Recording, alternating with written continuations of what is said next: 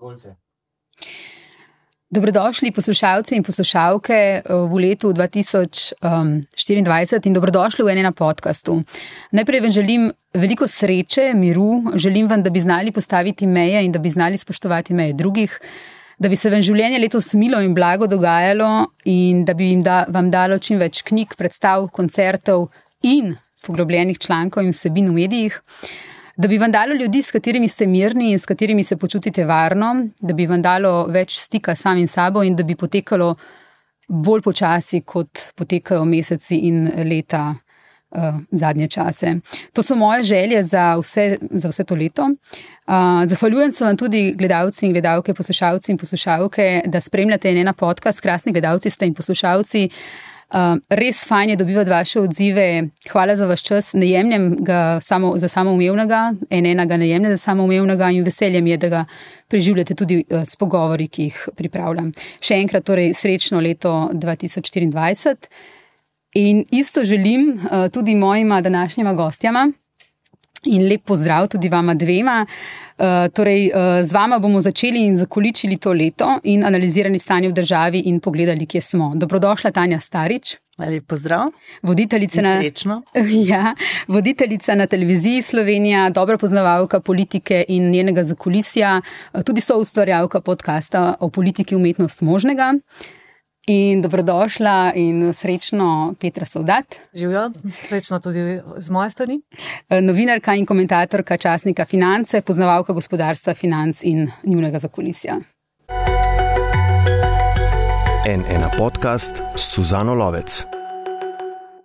Pa obrnimo na začetku optiko in začnimo takole. Katera vprašanja bi si morali ob začetku tega leta zastaviti? Katera so vprašanja za leto 2024, eh, ki v naši državi potrebujejo odgovore in um, recimo v politiki in gospodarstvu? Tanja. Ja, začnem. Ja. Le, vprašanj imamo seveda vsi veliko. Eno je, kaj se sprašujemo državljani, ne pa polnoma jasno je, da se mi sprašujemo predvsem, kako bomo živeli. Mhm. A, kaj bo z podnebnimi spremembami, torej ali nam grozi še kakšna taka katastrofa, kot se je zgodila lani. Eh, ali bomo še naprej živeli v taki negotovosti in vsa ta vprašanja si zastavljamo mi kot državljani. V politiki ne, pa mislim, da bo osrednje vprašanje letos, mislim, leto bo zelo znemirljivo politično.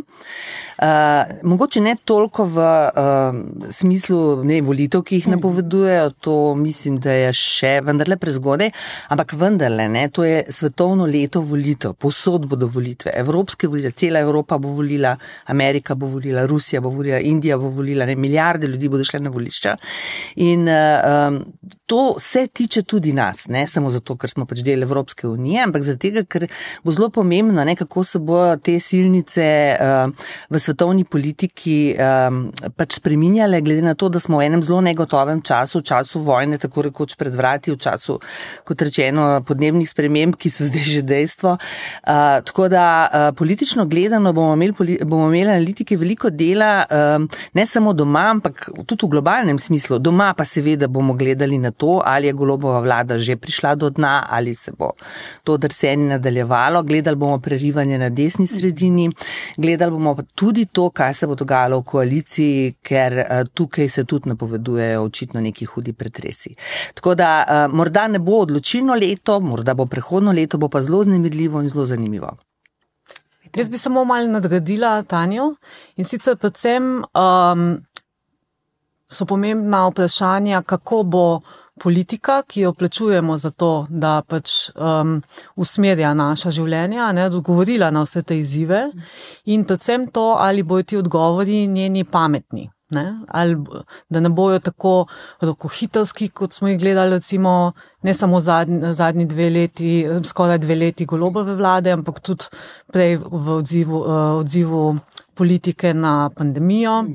Um, uh, da, bo, skratka, da bojo premišljeni, ne? ampak se pa bojim, če lahko sam še mečke nadaljujem, da uh, je je to v bistvu te dvojni predvolilni čas, ne, tudi letos smo v predvolilnem času sicer uh, evropskih volitev, ne, naslednje leto pa že v bistvu predvolilnem času parlamentarnih volitev, tudi če bo šlo vse pač po voznem redu, ne, da to ni uh, dober čas za um, premišljene uh, politične odgovore na izzive.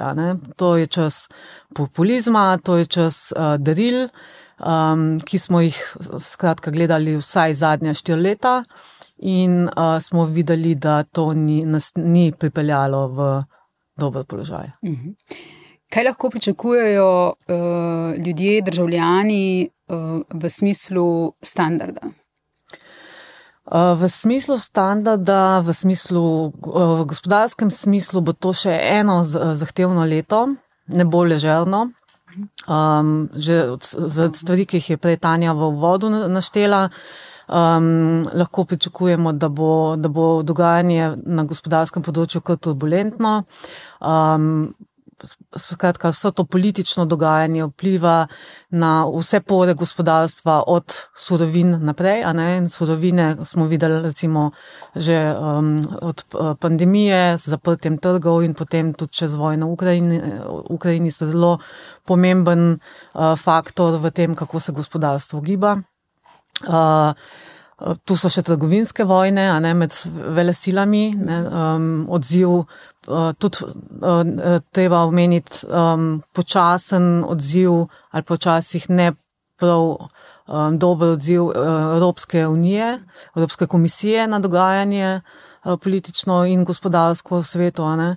Tako da bo kar zahtevno leto, pa pa če na to dodamo še uh, ukrepe aktualne slovenske vlade, kot je zategovanje uh, uh, davčne politike, kar v pač negotovih časih je zelo riskantno, ne samo za um, iz, končni izplen, pričakovani izplen v proračunu, ne, ampak predvsem za podjetja, ki ne znajo natančno načrtovati svojega poslovanja tudi zaradi tega, ne samo zaradi vseh drugih negotovosti. Sploh pa, da ne omenjam dodatne zbirokratiziranosti, ne, ki je draga in um, ni ne, um, ne uh, prispeva k večji produktivnosti, ne, s, s čemer imamo velike izzive v Sloveniji, ne, kot je recimo bila ta nepremišljena uvedba štempljanja oziroma evidentiranja delovnega časa, ki ne samo, da je nepremišljena, je tudi škodljiva ne, za produktivnost. Um, pa da ne govorim vseh eh, rokohitrskih posegov vlade v samo poslovanje družb, recimo, če omenjam samo poseg um, v uh, marže trgovcev uh, z, na, z naftnimi derivati, kar je sicer ne, za uh, kupce dobrodošlo, ne, ampak to je pač zelo meritorni poseg uh, politike v poslovanje gospodarskih družb. Um, skratka, to bo zelo. Um, zahtevno leto. Mhm. Petra je omenila že davčno reformo, ki je napovedana. Uh, ti praviš, da, Petra, da je praktično ne mogoče narediti v treh mesecih, kot ja. se napoveduje? No, sej, uh, do zdaj sem sicer bolj uh, mislila na um, spremembe, ki jih je Golobova vlada že upravila, ne se pravi. Um, zmanjšanje, recimo, uh, zmanjšanje um, naraščanja splošne ulajšave za državljane, ne, s, čim, s čimer bomo imeli že za tega niže plače. Potem nekateri so zdaj ob uh, spremembi um, dopolnilnega zavarovanja uh, v obvezni prispevek tudi zgubili en del stimulacije pri plači, recimo, če so jim prej delodajalci dopolnilno zavarovanje plačevali, uh, da ne omenim vseh teh uh, pač, uh, zvišanja uh, davka na dohodke pravnih oseb, pa davek na bilančno vsoto bank, pa tako naprej. Ne. Zdaj, praktično obris, um, ne vemo, kaj, kaj bo vlada storila na, na področju davčne, davčne reforme. Do zdaj smo videli, da vse um, tisto, o čemer so sanjali pred volitvami, razen pač teh stvari, ki sem jih že omenila, um, Eh, niso znali izvesti, recimo nepremičninskega davka in uh, podobno. Ne, tega jaz uh, tudi ne pričakujem, da bo katerakoli vlada jim grede uvedla. Um, Zakaj? Um, zato, ker se uh, to gledamo v bistvu že od časa, ko so vlade še, uh, ko je vlada še vodila LDS. LDS. Um, politiki sami pa sebi začunali, kako bi to vplivali na njihovo premoženje. In potem, če, če ti vidiš, da imaš, ne vem, uh, stanovanje, pa še vikend, pa tako in na koncu potegneš črto, pa vidiš, da koliko ti to zmanjša uh, tvoje lastne prihodke, seveda ne glasuješ za tako ukrepa. ne. Pa tudi, ne, slovenci smo zelo občutljivi, to je eno najbolj občutljivih področji. ne. E, namreč, če se spomnim, mislim, da je bila vlada Alenke Bratušek. e, Pri omembi, resni omembi, da bomo šli v nepremičninski davek, jaz se spomnim enega politika, ki je bil takrat član vladne koalicije, ki je rekel, zdaj bo pa vlada padla. In resnično je vlada padla. Ne? Zakaj? Zato, ker je v bistvu on nagovarjal eh, pač volivno bazo, ki ima v lasti nepremičnine. Jaz ne vem, kako zdaj je drugače, ne, sploh mlajše generacije, ne, to je poseben problem, ne, niso več tako lastniki, ampak starejše generacije, pa so, ne, imajo v lasti te hiše, za katero so se jim odpovedovali in na to so voljivci zelo občutljivi. Ne, in ko politika pride do te, do te točke, da bi morala odločati, ne odloča. Ne. Pa, pa lahko to, da se v bistvu menjava generacije, da v bistvu ima- Lahko. zamenja tudi optiko. Um, ta, v tem kratkem času ne, ne. Čeprav moram reči, da je finančni minister, ne mislim, da je pred včeraj, v naši tarči na televiziji Slovenija napovedal, da bo v roku treh mesecev nepremičninski davek na mizi, oziroma ni, Ne, ne, roka, datuma ja. ja. ni povedal, ker zdaj vlada ne govori več o rokih. Skratka, naj Jaz bi še to bolj razumela kot davek na premoženje, Morda. ni Mhm. nujno uh, pač, uh, v, uh, v formi nepremičnin. ne. Uh, jaz vem, da so se v gibanju Svoboda že pred volitvami imeli ideje o tem, da bi recimo obdavčili uh, avtomobile glede na njihovo vrednost. a ne. Avtomobili ne, so pa druga druga. Na, na, največja strast slovensk, slovenskih potrošnikov. Tako da, mm, eh, no, predvsem se mi zdi rok, trimesečni rok za pripravo davčne reforme, ki bi mogla biti resna zadeva ne, in premišljena in eh, pre, eh, preračunana ne, zelo prekratek. In um, ne pričakujem kaj pametnega. Mhm. Sicer pa o reformah vse čas govorimo, o njih tudi vsakič, ko si tukaj, ne, eh, razpravljamo, jih omenimo. Um, seveda nas, nas kot državljane, tako kot si ti začela, ne, svoj prvi odgovor, nas v bistvu najbolj zanima to, um, ne, kdo bo skrbel za naše starše, stare starše, ko bojo obnemogli. Mislim, beremo um, na Twitterju včeraj grozljiv zapis, ne, kakšna je slovenska realnost, ko razpada zdravstveni sistem na ta način, um, da človek, ki umira, pač da se družina nima na koga obrniti, oziroma da si tega človeka umirajočega v bolečinah, v Podaja. mukah podajajo. In da v bistvu s tem, ko uh, razpada ta sistem ne, na, na vseh straneh uh, zdravstveni, razpada tudi človečnost, ki nekako se mi zdi, da vedno znova se slovenci vračamo k temu, da se. Mogoče nimamo tega, tega, tega, ampak smo pa solidarni, imamo pa to človečnost, povezanost, skupnost in to tukaj umanka potem na koncu, ne z razpadom sistema. Potem se sprašujemo, kakšne bodo naše pokojnine, naše generacije, recimo, uh -huh. uh, in če ne bodo dovolj visoke, kaj naj delamo. Se sprašujemo, absolutno, kaj se bo dogajalo z zdravstvom. Tukaj pač. Uh, Nismo dobili odgovora, ne. minister je odšel, dolgo časa je bilo to ministersko mesto nezasedeno.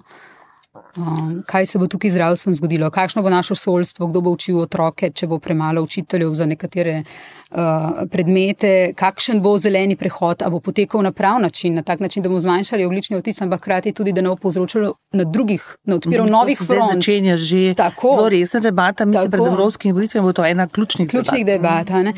Uh, skratka, Danja, a bo to leto uh, pri vseh teh stvarih, torej, ki se dotikajo uh, povprečnega voljivca, povprečnega državljana, to, kar nas zanima, bomo dobili tukaj odgovore ali bomo morali še počakati?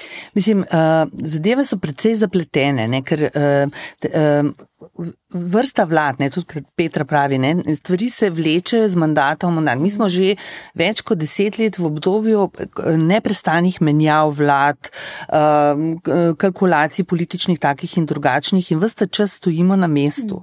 Ne? To je pač treba povedati ob vsej kritičnosti, ki imamo te lahko dosedanje- samo dopolnim? Ja, v bistvu ne stojimo na mestu, ne? mi v bistvu s tem nazadujemo. Ne? no, realno, Zato- ja. Ker se pač moramo primerjati z drugimi a ne, državami, našimi primerljivimi sosedami, gospodarskimi partnericami. Ne, in uh, ti pač podatki kažejo, da uh, nas že nekatere, ki jih mi mogoče gledamo že zelo, še zelo slabšalnih luči, a ne, že dohitevajo in morda nekatere celo že prehitevajo. Ne.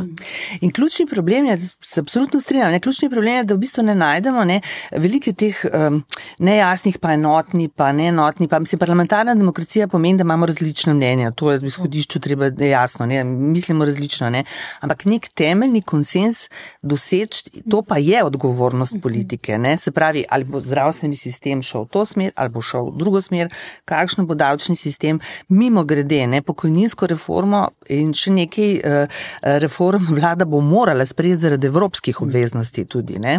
Uh, uh, in to so zelo zapletena vprašanja in tukaj v bistvu ni prostora za to politikanstvo na eni ali na drugi strani ali na tretji strani. Ne.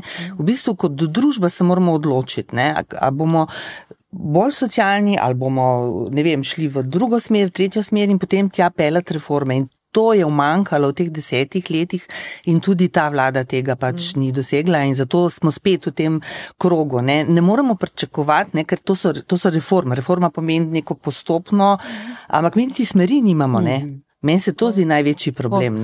Se, če smo prej uh, govorili o tem, ne, da pametne davčne reforme, uh, pač ne moremo narediti v treh mesecih. Ne? In tudi ne, ne razumem, zakaj se vlada sploh zavezuje k temu, ne? sploh po tem, ko že dve leti prelaga svoje, uh, svoje lastne napovedane projekte.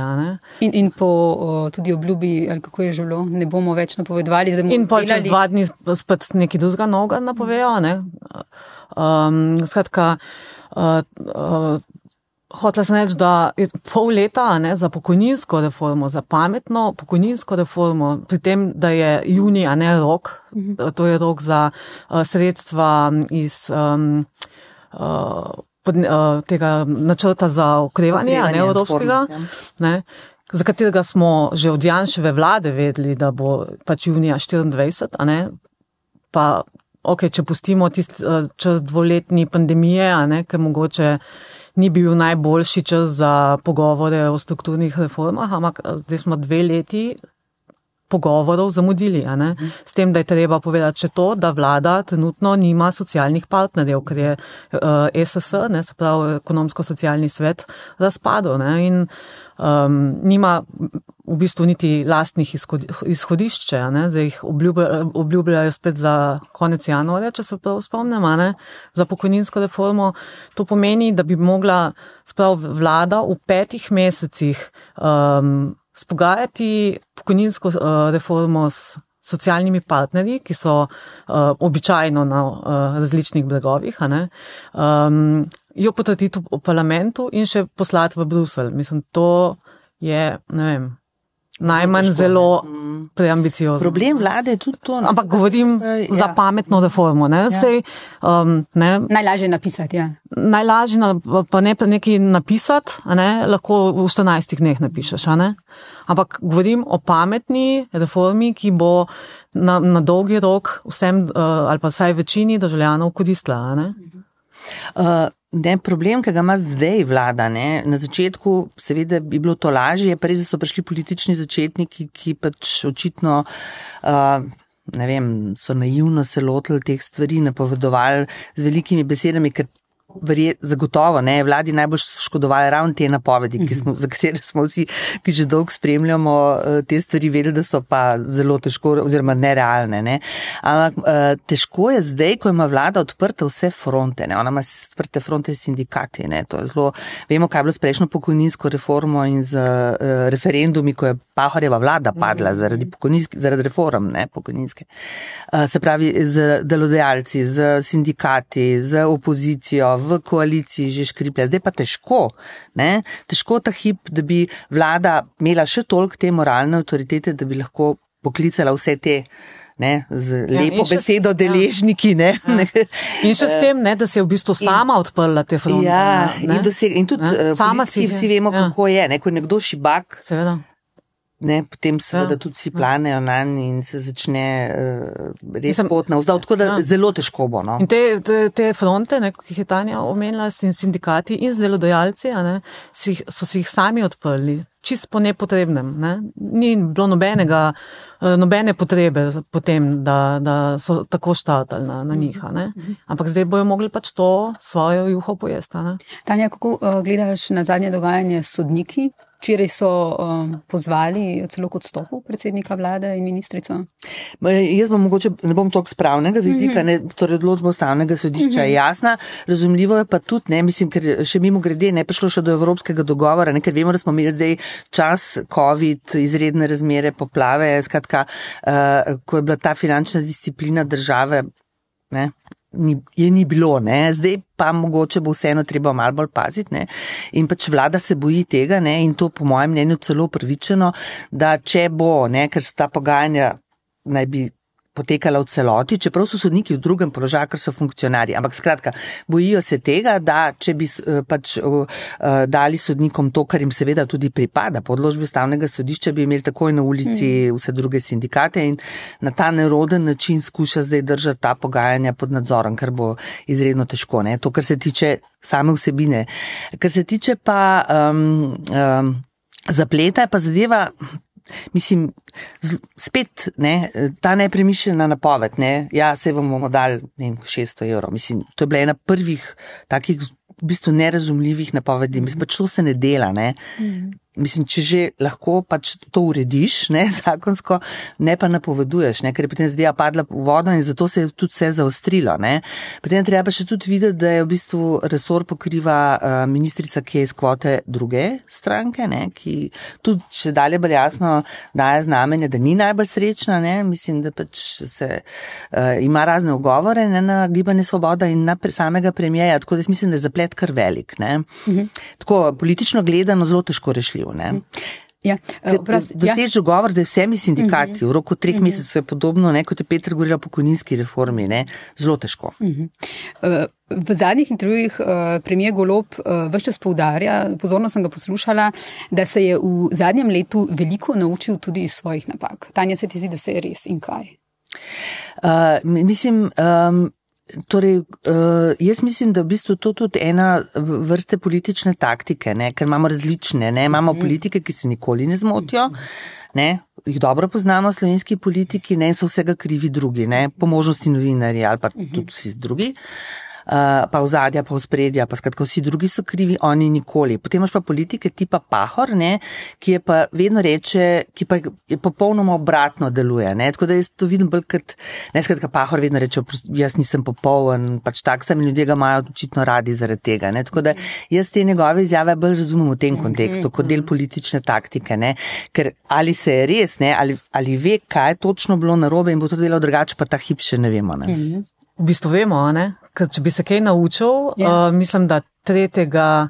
januarja v intervjuju z, uh, na, uh, na svetu, če se ne motim, uh, ne bi napovedoval novega ministra, ki ga, um, predloga ministra, ki ga potem naslednji Naslednji dan dan ni bilo več. ni bilo več. a Ne? Mhm. Recimo, Mimo- ne? mimogrede. Take majhne stvari. Ne? Jaz mislim, da je to. To zelo najeda verodostojnost. Ja. Tako. Mhm. In takih stvari je bilo kar veliko. Preveč. a ne, a ne, v zadnjem letu. Uh, mimo grede, uh, mnenje o predlogu za ministrico. Kaj kaže? Kaže na izpraznjen. klop, ja. Ja. Kaže, kaže na kratko klop gibanja svobode uh, in da praktično V bistvu- ne najdejo. Uh, Če se lahko mal pošalim, ne, je zanimivo, da je to prva uh, kandidatka za ministrico, ki zdaj ne prihaja iz kvote Zorana Jankoviča, uh -huh. ki se je v zadnjih mesecih lepo profiliral kot uh, premije v senci. Uh -huh. ne. um, to. In na kratko klop, torej gibanja svobode. Da, Ja, Kaj torej- kadrovske težave, kar je povezano s tem, kar smo govorili prej. Ne? Bolj kot ti. Pa, mislim, problem tega padanja ne, političnega je, ne, da ti lahko narediš vedno manj. Ne, ne, padaš zato, ker, ker pač ti ne uspe eno, potem v bistvu pa možnosti za popravni spitič dalje manj. Ne, in ko ti iščeš ministersko ekipo, mi smo imeli vlado Borota Pahora, ki mislim, da je pet ministrov manjkalo. Ne, ko se začne pot na vzdolj, je to če dalje teže. Ne, in zdaj se v tej zadnji ekipi ministerski se pač vidi, ne, da a, zdaj ali kandidati ne želijo, da skratka stranka se še ni toliko formirala, kar je tudi logično v letu in pol, da bi v bistvu imela res dolgo kadrovsko klop in da se pač ljudje ne odločajo za ministerstvo. Plus, uh, ne, zdaj je veliko blože, pa pač prelitega um, črnila, da uporabim floskulo, o razmerah znotraj stranke. Ne? In načinu delovanja. Ne samo stranke, z, ja. zno, znotraj koalicije, ampak Mhm. znotraj stranke same. a Ne? In da si verjetno ljudje ne želijo potem Tako. Znotraj tega. Ne? Ker glede na volilni rezultat, bi človek mislil, vsi strokovnjaki bojo želeli to vlado, se imajo tako večino, da bojo lahko delali, morda na začetku je tako Mhm. mm -hmm. bilo, ne? zdaj pa vemo, da je tudi kar veliko menjav bilo, pa nekatere so bile čez noč. Mm -hmm. Se pravi, biti minister zdaj v tej, v tej konstelaciji, pa to moram reči, da tudi že nekaj časa. Mm -hmm. uh, mislim, eh, biti minister ni neka zelo. Pomembna in trd- trdna funkcija v tej državi. Ne? Ministri se menjavajo po tekočem traku, takoj ko vlada pade v krizo, ne, eh, premijeji redno Ampak se tudi na začetku, ne. veš, stanja ni bilo mm. tako. Ne? Se, se spomnimo, kako v bistvu so imeli težave, recimo, poiskati finančnega ministra. ne. Absolutno. Recimo, Ne, se pravi, se to že, začetku, že ne. kar star Ja. problem. Ne? Pač ljudje ja. tudi nočejo politiko. Enako je pri kandidaturah. ne. Ja. A, Zelo, zelo težko dobiš strokovnjaka, ki ima neko kariero, ki se bo temu odpovedal, pa ne zaradi plače. Ne? Niso krive preniske plače. Od ugleda do tega, da v bistvu koliko lahko sploh narediš v tem uh, kontekstu ali pa v teh razmerah, kot so zdaj recimo. Ne? In uh, to, to je kar veliko opozorilo, ne glede na to, katera vlada bo. Ne? Mhm. Ne, da mi uh, pametne ljudi, strokovne ljudi, ljudi, ki imajo voljo delati, zgubljamo, uh, ker v politiko pač ne želijo več vstopiti. Mhm. Uh, odprta vprašanja na polju politike. eh, Kaj, če bo KPK ugotovila, da je premijer kršil integriteto? Torej, gre za zadevo Tatjana Bobna. Ja, Tatjana Bomnar, ja, to je en zelo zanimivo vprašanje. Ne? Zdaj, eh, če beremo, recimo, kaj govori že Logar, predvsem pa tudi Janša, recimo, ne skratka opozicija, mislim, da tudi Tonin je že o tem govoril. Uh, opozicija računa, da bo ta efekt, ki se je zgodil v času Janša Jankovič. Ne? Takrat je bila vlada Janeza Janša in je koalicija razpadla. Uh, Janez Janša ni želel odstopiti, čeprav je KPK takrat ugotovila kršitev, uh, vendar mu je razpadla koalicija ne? in je padla vlada. Ne? In zdaj eh, torej opozicija računa, da se bo to isto zgodilo zdaj. Ne? Žalogar mislim, celo izredno reče v tem zadnjem intervjuju sobotni prilogi, da morda Go- Go- Golob sam ne bo odstopil. Nekako vsi pričakujejo, da bo KPK ugotovila, da kršitve so bile, eh, da pa mu bo razpadla koalicija. Zdaj, Golob ima tukaj večjo, eh, nekoliko prednost, ker ima tako zelo veliko poslancev. Se pravi, Uh, tudi če mu ena od koalici, koalicijskih strank izstopi iz koalicije, to še ne pomeni avtomatično padca vlade. Vendar ne vemo, kaj se dogaja v gibanju Svoboda. Skratka, on bo mogel zelo paziti. Vemo, da ena poslanka je že odšla oziroma so jo izključili. So odšli, On bo mogel, po mojem mnenju, zelo paziti uh, uh, na vsak glas. Zdaj govorim o politični matematiki. Ne? Zdaj, kaj pa to pomenilo v javnem mnenju? Ne? To je pa druga stvar. ne. Načeloma, krši, če bi KPK ugotovi kršitev, uh, to pomeni dejansko potem odstop politika, vendar v naši politični praksi ni tako, ne? kot vemo. Ne? Ni, ne? Um, Me sprašuješ, kaj jaz mislim? ja, seveda. Uh, jaz ne pričakujem, da bi ali SD ali Le- Levica bi uh, izstopili uh -huh. po ob morbitnih ugotovitvah, ker uh, tudi sami pač tehtajo svoje lastne koristi in uh, možnosti ponovne Izvolitve. izvolitve. Prvo to.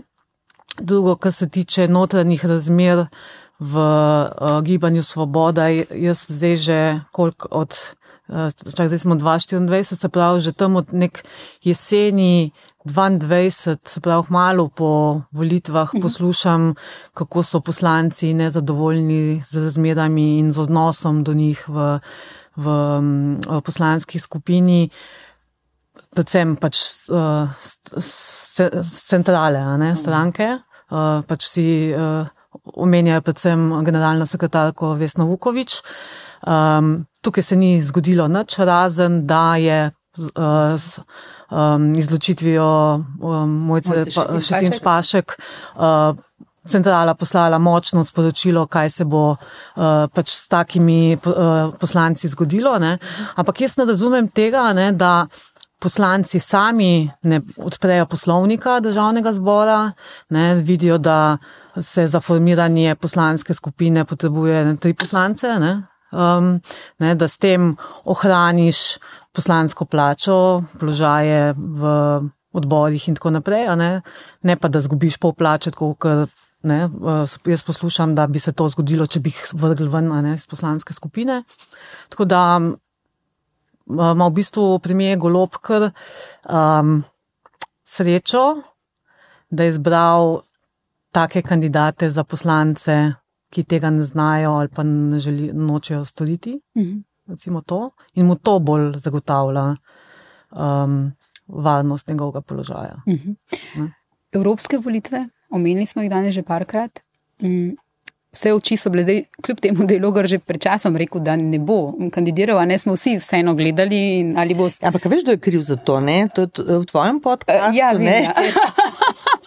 Ker je Alja ja, Brgles povedala. Uh, ja, Alja Brgles je takrat, mislim, da pri meni rekla, um, da, bo, uh, da bi ne, s temi izkušnjami, ki jih ima iz, torej, iz Drnovškovih vlad in tako naprej, nekako svetovala naj grejo čim prej zdaj v stranko, potem, kar tako. se je spremenilo.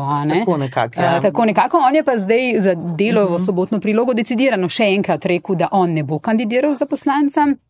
In da tudi uh, platforma ne bo kandidirala na ta način, če pa prav razumem, pa pušča odprto, da pa nekateri člani oziroma udeleženci platforme pa na listah kandidirajo in to zdaj čakamo, kaj se bo zgodilo. Tako. Ponovno vsi gledamo, torej, uh, kaj se lahko tukaj kaj velikega zgodi, glede na to, da on ne bo, ker on je tisti, ki vleče, on ima ta kapital iz predsedniške kampanje, to večkrat govorimo tukaj v podkastu.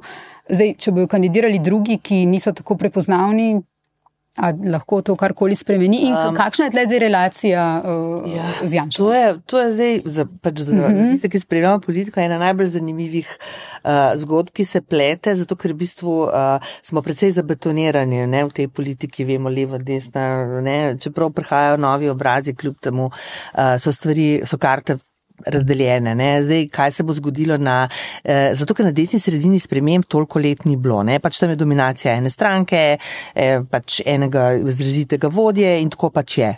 To je že letja, desetletja. Ne? In to je zdaj nek nov moment, ki se lahko zgodi in zato pač vsi gledamo, bolj ali manj pa vsi ugibamo, ne? lahko se opiramo pač na to. Mm, zato, ker to je, mislim, eden od analitikov tudi rekel, ne, eh, kaj v resnici bilo, veste, samo dva. Ne. In to dva, ne? vemo, katera dva. Ne? Zdaj lahko se opiramo na to, kar pač govori Janša in kar govori Logar. Ne? Janša je tukaj pač um, nastopu.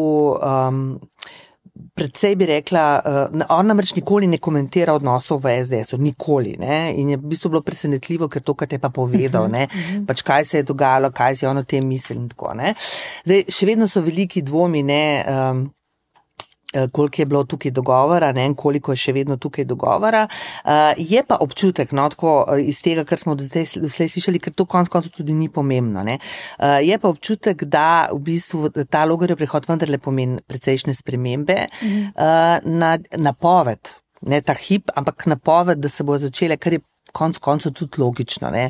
Po tolikih letih pač bodo nekih sprememb moralo priti. Ne. Se pravi, in menjave generacij, v zadju je cel kup mlajših politikov, ki čaka na svojo priložnost.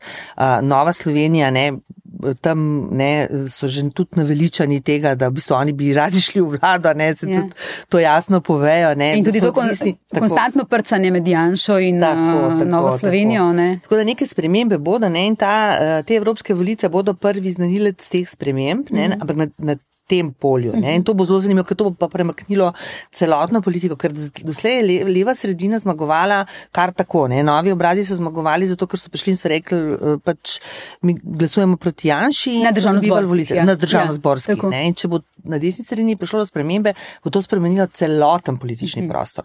Zdaj, kakšnih zelo hitrih sprememb, kot rečeno, še letos ne bo, je pa to napoved, pač, da se počasi začenjajo dogajati menjave generacij in da bo do sprememb prišlo. Um, Zdaj, Logar je še vedno član eh, SDS-a, povedal je, da ne gre na volitve, je še vedno član poslanske skupine, kljub temu, da smo postavili celo rok, da mora do novega leta, mislim, da povedati, ali dela stranko ali ne. Eh, hkrati pa ne skriva teh ambicij, ne. celo je v tem intervjuju rekel, da nakazal, da če bi pač uh, bila možnost, da bi kandidiral za predsednika SDS-a. Sam dejstvo pa je, da se Janis Janšar ne bo umaknil. Ne. Tako da ja, to, to, to je ena najbolj zanimivih političnih, po mojem, procesov, ki se bodo dogajali v tem letu in po mojem mnenju je uh, res dokaz tega, da do sprememb slejko prej bo prišlo. Um, kako je v tem času, torej začetek leta 2024, z prepletenostjo politike in gospodarstva, kje smo v primerjavi z preteklostjo?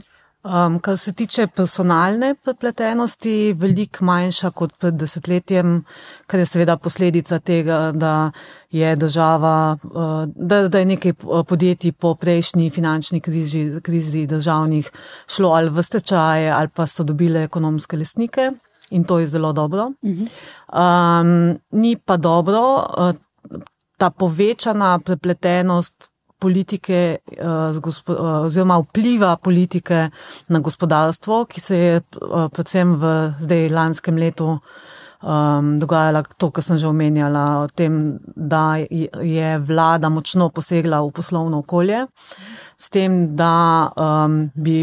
Da bi premijer prvi kot nekdani menedžer uh, moral vedeti, da kako pomembno je stabilno poslovno okolje, že v času, v dobrih časih, kaj šele v negotovih časih. Um, to pa je zelo slabo. Ne? Kaj pa stanje v energetiki? Kako ocenjuješ? Um, stanje v, um, v energetiki je uh, kar katastrofalno. Um, to smo lahko zelo dobro opazovali poleti 2022. Uh, ne samo zaradi um, zelo uh, nihajočih cen um, elektrike, plina, nafte na svetovnih trgih, ki so bile posledica pač napada na um, Ukrajino, ampak uh, tudi um, čist pri domači proizvodni. Uh, spomnite se, poleti, uh, že v začetku polet, poletja 2022 smo imeli veliko sušo, in uh, kar je zelo vplivalo na proizvodno v hidroelektrarnah, potem je bila še nesreča v premogovniku velenje, pa remont uh, nuklearke, skratka, vse se je nakopičil. Uh, to, to je ta proizvodni vidik. Lani smo s tem uh, imeli kar uh, dost srečo, ne? ampak na srečo se pač ne moramo zanašati pri tem, ko govorimo o energetski um, samozadostnosti. Uh, Drugo, druga, pa je, druga stvar pa je o tem, da um, vlada s tem, da ne smo prej, prej v predvolilnem času poslušali, da je najboljše uh, um, za nas to, da smo dobili uh, poznavalca energetike, ne ni nadila nič za povečanje samozadostnosti. Govorim o, to, o tem, da um, odlaga recimo referendum o gradni drugega bloka jedrske elektrarne. Uh, govorim o tem, da so bile um, v distribucijski sistem, se pravi v, v žice, ne, v omrežje, uh, narejene lani samo uh, kozmetična vlaganja, pa s tem, da je jasno, da že več kot desetletje so bila ta vlaganja preniska. To je rezultiralo uh, v tem, da smo zdaj dobili nov sistem obračunavanja elektrike, ki nas bo um, znal kar dobro udariti po žepu. Govorim o uh, že, že o tem, o tej spremembi, ki se je zgodila s 1. Uh, januarjem, da bomo mogli 10% elektrike plačevati uh, dražje, ne po tržnih cenah, kar je um, tudi eden od teh sicer populističnih vladnih ukrepov, uh, ki se mi zdi, da ni niti tako zelo povezana s tem, da bi vlada imela rada svoje ljudi, ampak s tem, da bo lahko pokazala nižjo, um, nižjo stopno inflacije, um, s katero se je do decembra zelo težko borila. Um, in drugo je uh, nov sistem omrežnine, ki podjetja zdaj uh, za podjetja že velja. Uh, mi, uh, um, gospodinstva pa dobimo uh, z Julijem. Eh, ko bomo mogli eh, začeti paziti celo to, da ne bomo hkrati imeli užganga likalnika in pečice, a ne, ker nas lahko to udari po žepu. In je tudi blazno zapleten. In je absolutno preveč. In marsikomu uh, zapleten. Nerazumljiv. Ne?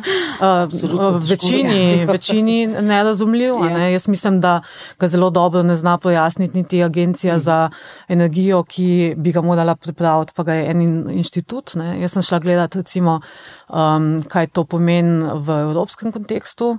Uh, štiri države evropske, s tem, da ena več, od teh ni več članica, um, pri začunih na, na položnicah mal bolj dinamično upoštevajo moč, uh, odjemno moč. Ne, tak sistem, kot ga imamo zdaj mi, imamo samo mi. Mhm. Noben nima tako zakompliciranega sistema, da ga lastni odjemalci ne bi razumeli. ne. Mhm. Mhm. Skratka, to je zelo energetska. Um, Uh, odvisnost Slovenije ni nič boljša, kot je bila, ko um, države ni vodil ne energetik. In to je slabo. Mhm. Um, Uh, S tem, da bi sam še to dodala, ja. ne, da uh, stava na uh, obnovljive vire ne, in vsa ta enormna sredstva, ki so vložena v um, obnovli, obnovljive vire, se mi zdijo pretirana, ne, ker obnovljivi viri so pomoč ne, za, za proizvodno, ne, ne morejo pa biti del um, neodvisnosti, zato ker pač niso zanesljivi. Ne? Če ni vetra, ni uh, elektrike iz vetrnih elektrarn, če ni sonca, ni, ni, uh, elektri, ni dosti elektrike iz panelov ne? in bi morali tle mal tehtati. Um, To učinkovito uh, porabo sredstev. Ne? In zdaj ne vem, če, ste, uh, če lahko samo Ja, še to v kontekstu evropske politike dodam. Ne? Evropa je zelo, evropski politiki so v zadnjih letih zelo veliko uh, stavili na to uh, velike besede o zelenem prehodu in um, v dobršni meri tudi zelo. Uh, tudi So tudi oni bili pri tem zelo roko- rokohitrski, a ne?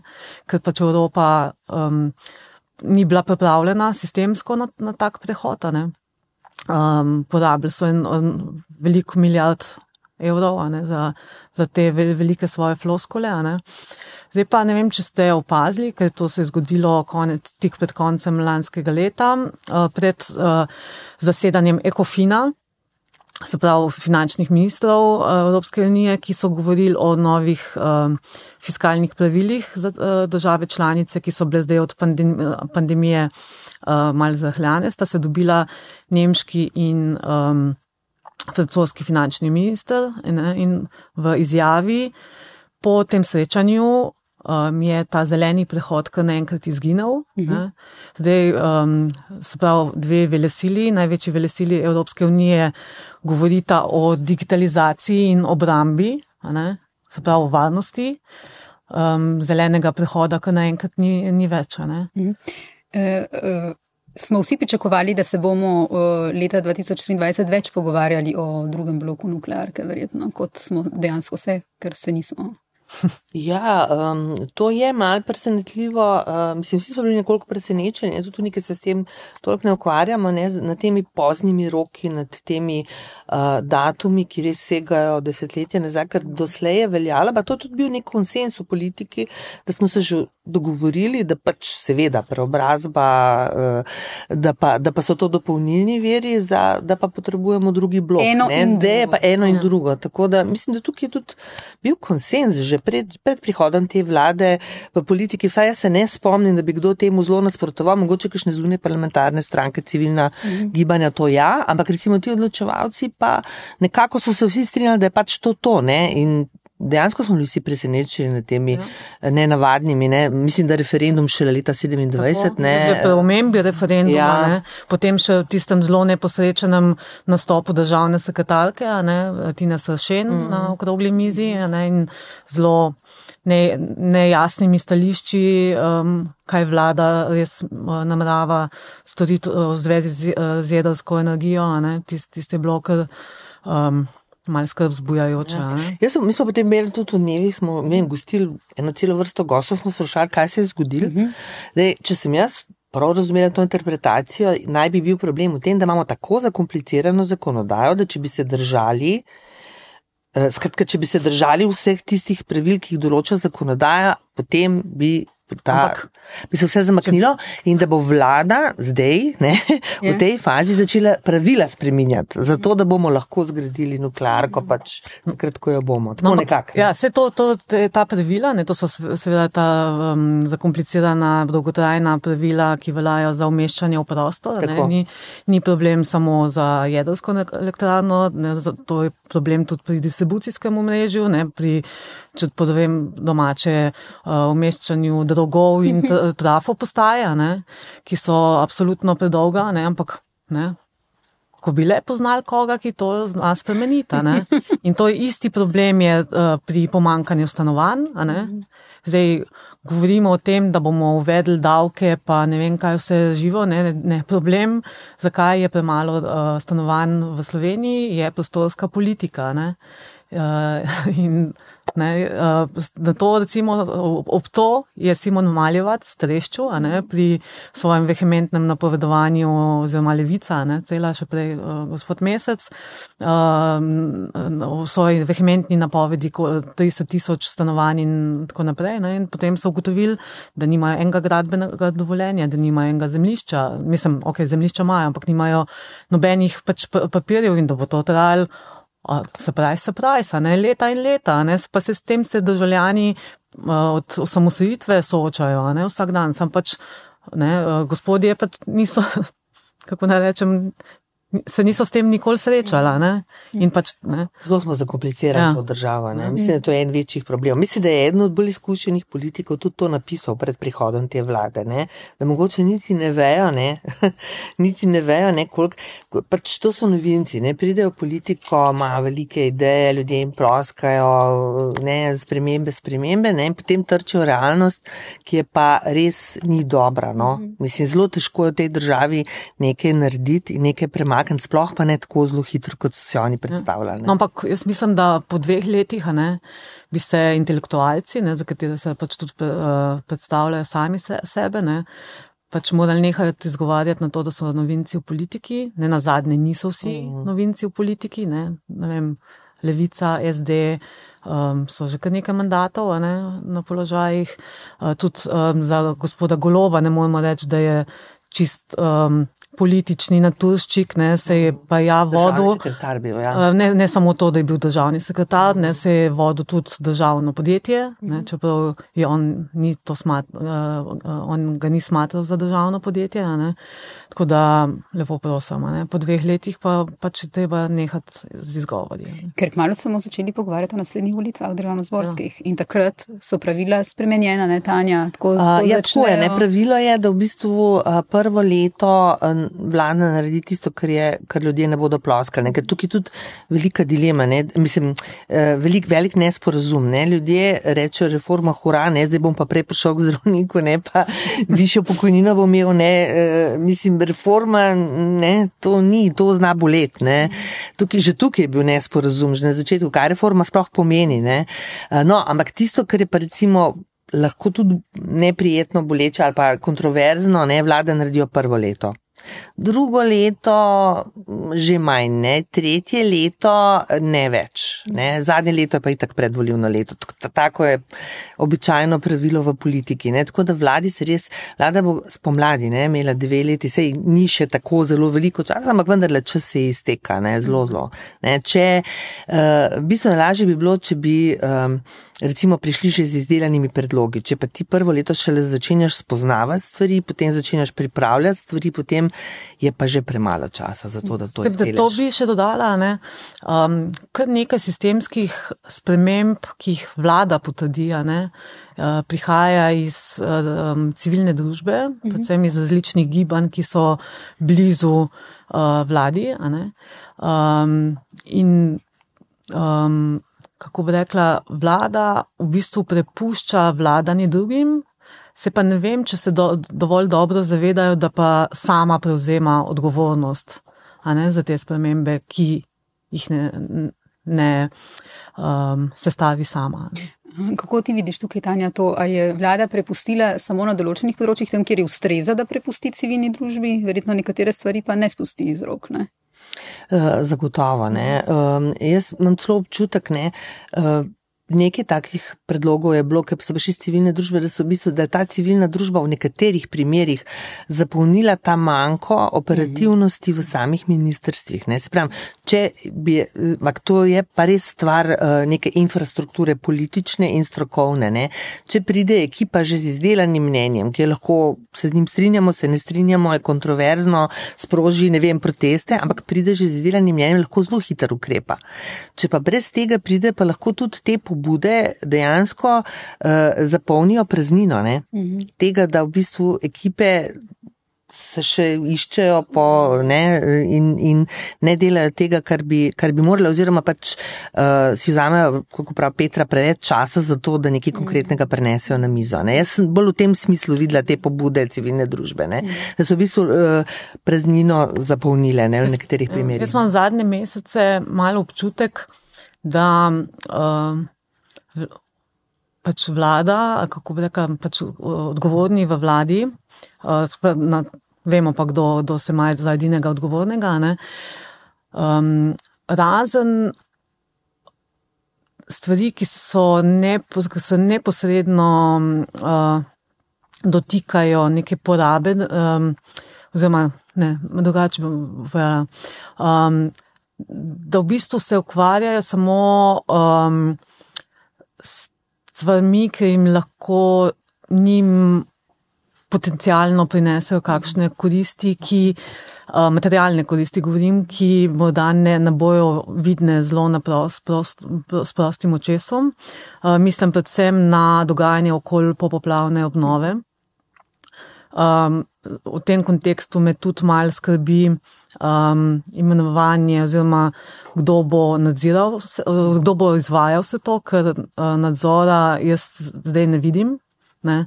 Jaz ne vidim, da bi do zdaj, do zdaj imel uh, jasen nadzor nad dos, dos, doslej porabljenim denarjem. Da bo treba močno gledati pod prste. Tako. In to bo kaj ne. veliko na medijih. Uh, absolutno. Ne. S tem, da je država dala premalo uh, nadzora na. Uh, ja, ja. Uh, mislim, da do, do zdaj tega ni, ampak se to, to se, do, um, če zelo banalno povem, ne. Nihče v državi recimo, nima zbranega eh, točnega, točnih zneskov, koliko so recimo oškodovanci do zdaj že dobili, mhm. Ker so pač pomagali različne mhm. organizacije, posamezniki, država že neki dala, ne? Eh, podjetja in tako naprej. No, tega pregleda ni, ampak to, to, to je bil še mehen denar. Zdaj se pa začne uh, sanacija. Mhm. Za katero v bistvu še, še dan danes nimamo jasne številke, koliko denarja je za tega potrebnega. Spomnit, eh, spomnimo se, govorili smo najprej o 500 milijonih, potem smo čez noč govorili o 2 milijardah, pa ko naenkrat naraslo na 10 milijard, na koncu pride uradna številka 3 milijarde, pa reče, ne, ne, vi to ne razumete, ne, to, to je bila sam škoda, ampak porabili bomo pa zdaj več kot trikrat več, ne, zato mislim, ne. Po, po kakih izračunih, po, po, ne, tega, nič od tega ne vemo. Ne. Um, se pravi, me pa kadrovanje okoli te uh, po, um, sanacije pa ne navdaja z velikimi optimizmom. Uh -huh. uh, ker ta popoplavna obnova, kakorkoli je to bilo grozljivo in je katastrofalno. In, um, tragično bi lahko bil v bistvu nekakšen, ne, zelo hlapno rečeno, uh, New Deal ne, za Slovenijo. Uh, lahko bi bila to v bistvu nekaj, kar bi pognalo stvari naprej za naslednjih 50 let, lahko pa je v bistvu nekaj, kar se izrodi v otekanje denarja. In, Absolutno, na te ključe nadzor. Druga. Mm. Drugače lahko, ne, recimo, uh, gradilo se bo, zelo veliko se bo gradilo, ne, ko govorimo o gospodarski rasti. Oni, mislim, da računajo tudi na to, ne, da bodo to zelo velike investicije, ne, da bo pač pognalo tudi gospodarsko rast. Tako da načeloma je lahko to nek, nek začetek nekega, ne, ali pa neke stvari, ki so bile zanemarjene leta in leta, mm. tudi ko gre za vodotoke, hudournike. Ne, to, tukaj je možno narediti zelo veliko, tudi ogromno denarja. Ne, potencialno možno. Ne? Tako, potencialno, potencialno možno, vse, možno, vse se skriva v nadzoru. Ja, ne. Če ne drugega, imamo veliko omejitev, imamo zakonodajo, ki ne mhm. omogoča hitrega posedovanja, ja. imamo kadrovske probleme pri izvajalcih, ne, za, za, če, za kar tudi še nismo poskrbeli, ne, za pač uvoz nove delovne sile in tako naprej. Ampak to so same tehnične um, ovire. Drugo pa je, kam bo denar šel, kam bo denar šel, v katere žepe se bo stekal, kako bo to izvedeno, kdo bo to nadziral. Ne. Jaz res uh, upam, da ne bomo imeli kakšne še večje afere, kot so bili, ne vem, te šest sanacija bank in tako naprej. Okay, uh, hvala lepa obema. Mogoče za konec še, uh, ne, ker smo v začetku novega leta, ki je financam. Uh, prinesla tudi veliko spremembo, za katero je uh, direktor rekel, da nikakor, malo ga prefraziram, uh, ali je to pogreb, dalo se je razbrati, da ne, ne gre za pogreb, ne, ampak za spremembe v toku časa. Skratka, finance ste postale uh, digital only, uh, Tako. ne izhajate več Ja. na papirju. Uh, Finance so po 31 letih ukinile tiskano izdajo dnevnika, se pravi, še ohranjamo tiskano petkovo revijo Manager in uh, revijo Moje finance in uh, še kakšne druge uh, posamezne projekte. In smo zelo veseli, uh, zato da smo si to lahko privoščili. To je bila izbira, to ni bila nuja. Zato smo delali več kot 20 let in smo skratka zelo zadovoljni, da bomo lahko zdaj um, uh, en del denarja, ki smo ga prej uh, imeli kot strošek uh, s papirjem, za katerega so naši kupci ocenili, da ga ne potrebujejo več v tolikšni meri, kot so ga pred vem, desetimi, uh, petnajstimi leti, um, vlagali v vsebino. Mhm. No, sej, mi smo tudi digital only, tako, tako da. Je možno preživetje, možno Ja, ja, je. Uh, seveda, ampak to je pač posledica 20-letnega dela uh, na digitalu, uh, pač poslušanja naših kupcev. Ne, naših uh, naročnikov. Tako da jaz uh, upam, da, mislim, ne upam, sem pripričana, da ima Peter uh, Frankl prav, da je to novo rojstvo, da to ni, mm. da to ni Pogreb. pogrepa. Ne. Mm, Svet se spreminja, ne? Držimo pesti za vse medije v Sloveniji, da ne Absolutno. ostanejo. Absolutno. Ja, to je Ja. nova doba tudi za, mislim, tradicionalne medije, seveda ne. Da Morajo, moramo vsi, ne, mor, morajo vsi, časom, ja, iti naprej, korak s časom. Iti Ja, jaz bi predvsem no, apelirala na druge um, kolege iz tiskanih medijev, predvsem, a ne, ki jih bo to prej ali slej um, jim postalo nuja. a Ne, um, svet medijev se spreminja že vrsto let. Ker se navade tako močno spreminjajo, Tako, ne? ne. ker v bistvu člo, člo, ljudje drugače konzumiramo mm, medije, novice, Ja. uh, kot smo jih Ne, da, pred 20 da morajo več naporov vlagati v digitalizacijo ne, um, in monetizacijo, predvsem vsebin, uh, kar pomeni pa tudi to, da morajo svojim bravcem ne ponujati generičnih vsebin, takšnih, ki jih lahko vse posod dobiš za ston a ne, po internetu, ampak more- morajo delati na dodani vrednosti, se pravi, morajo poslušati kupce in ne samo uh, jim ponujati uh, tisto, kar oni mislijo, da je. Da je uh, prav, ali pa, ali pa mogoče, kako bi rekla, bom kar direktno rekla. No, en del krize medijev je tudi to, da je v medijih, govorim lokalno, predvsem, um, mogoče malo preveč političnega aktivizma ali pa ideologije, a ne, in zelo premalo uh, poslušanja svojih Občinstva, svojega misliš. občinstva, kaj oni potrebujejo. Mhm. S tem ne govorim, um, da, mu, da, da je treba slediti klike, nasprotno. Mhm. Ne? Um, to, da, da, da smo mediji v začetku digitalne poti uh, se zelo na klike uh, obračali, pa to je bila ena od napak, ki smo jih, uh, upam, presegli. Mhm. Uh, pri nas smo jih zagotovo. No. Tako da to, no, to, to bi mal apelirala na kolege. Um, Ker, Pa jaz, če lahko dodam, Ja. mislim, da je ključno, ampak zdaj pa res ključno, da je novinarstvo dobro, ne, da je verodostojno, ja. da v tej poplavi informacij tudi ki jih je ljudje res vedo, ogromno, ja. te informacije pa so preverjene, Ja. ja. so, mislim, ljudje vejo, kaj govorijo, ljudje vejo, kaj pišejo. Ne. Mislim, bolj kot kdajkoli v zgodovini, ne, se mi zdi, da je to pomembno, da, so, da je novinarstvo novinarstvo. No. Tako, in tukaj absolutno uh, se strinjam z obema in tudi to, kar ti praviš, ne, da upamo, da smo se mediji nekaj na digitalu naučili, da ni samo uh, uh, stremljenje k klikom tisto, kar je pomembno, ampak da v bistvu mora biti cel paket. Ljudje še vedno, vedno bodo iskali preverjene informacije in servisne informacije, ka, to, kar je za njih pomembno. ne. In Jaz ne vem, če se v v cehu tega dosti zavedamo. Mm. Mislim, ne, ne vem, sem pripričana, da se, da se ne. ne. Uh, in se mi zdi, da sem, sem pričakovala, da bo mal bolj um, med nami odmevala meritev zaupanja, ne, ki jih je Valikon pred koncem leta op, opazil, ker tako nizko nismo bili, se mi zdi, še nikoli v zgodovini uh, pri publiki ocenjeni. Mislim, da smo pred zadnji, pred, pred zadnji. Ne, ta, na, take, na, na takšno stopnjo nezaupanja Mhm. ne, bi se morali zelo zamisliti in predvsem uh, kaj spremeniti. Mhm. Skratka, poslu- Mislim, da moramo Ja. ja. končati, ampak COVID, ne? Ja. COVID-na kriza ne, je medijem kar precejšno uh, škodo in ravno v smislu zaupanja povzročila. Ne? Pa mislim tudi, da smo kot ceh preveč nasedali na te politične igre. Mislim, kaj pa je za politike lepše kot a, skregani novinari, neverodostojni novinari, ki jim nišče ne zaupa. Ne? Ja, tudi o tem, ne, kar smo se mi danes pogovarjali, ne, pa kaj o tem, kaj eh, novinari eh, bomo letos um, eh, gledali. Ne, uh, več, ne, jaz bi. bi Da, da bi se bolj kot to, kdo s kom, kje, kdaj, ne, da se ukvarjamo z vsebino, ki, ki pač. Ki jo proizvedemo za naša Ne, ne, ki občinstva. jo poli, politiki Aha, proizvajajo. tako, ne, aha. tako, ne, in, se, in jo je mal v kontekstu, ne, ne uh, samo uh, kot poročilo, ne, kaj kdo dela, ampak mal premišljeno, um, analizirano, kaj to pomeni za uh, nas, za vse nas, kako, kako bomo živeli vsak dan po teh spremembah. ne. Mhm.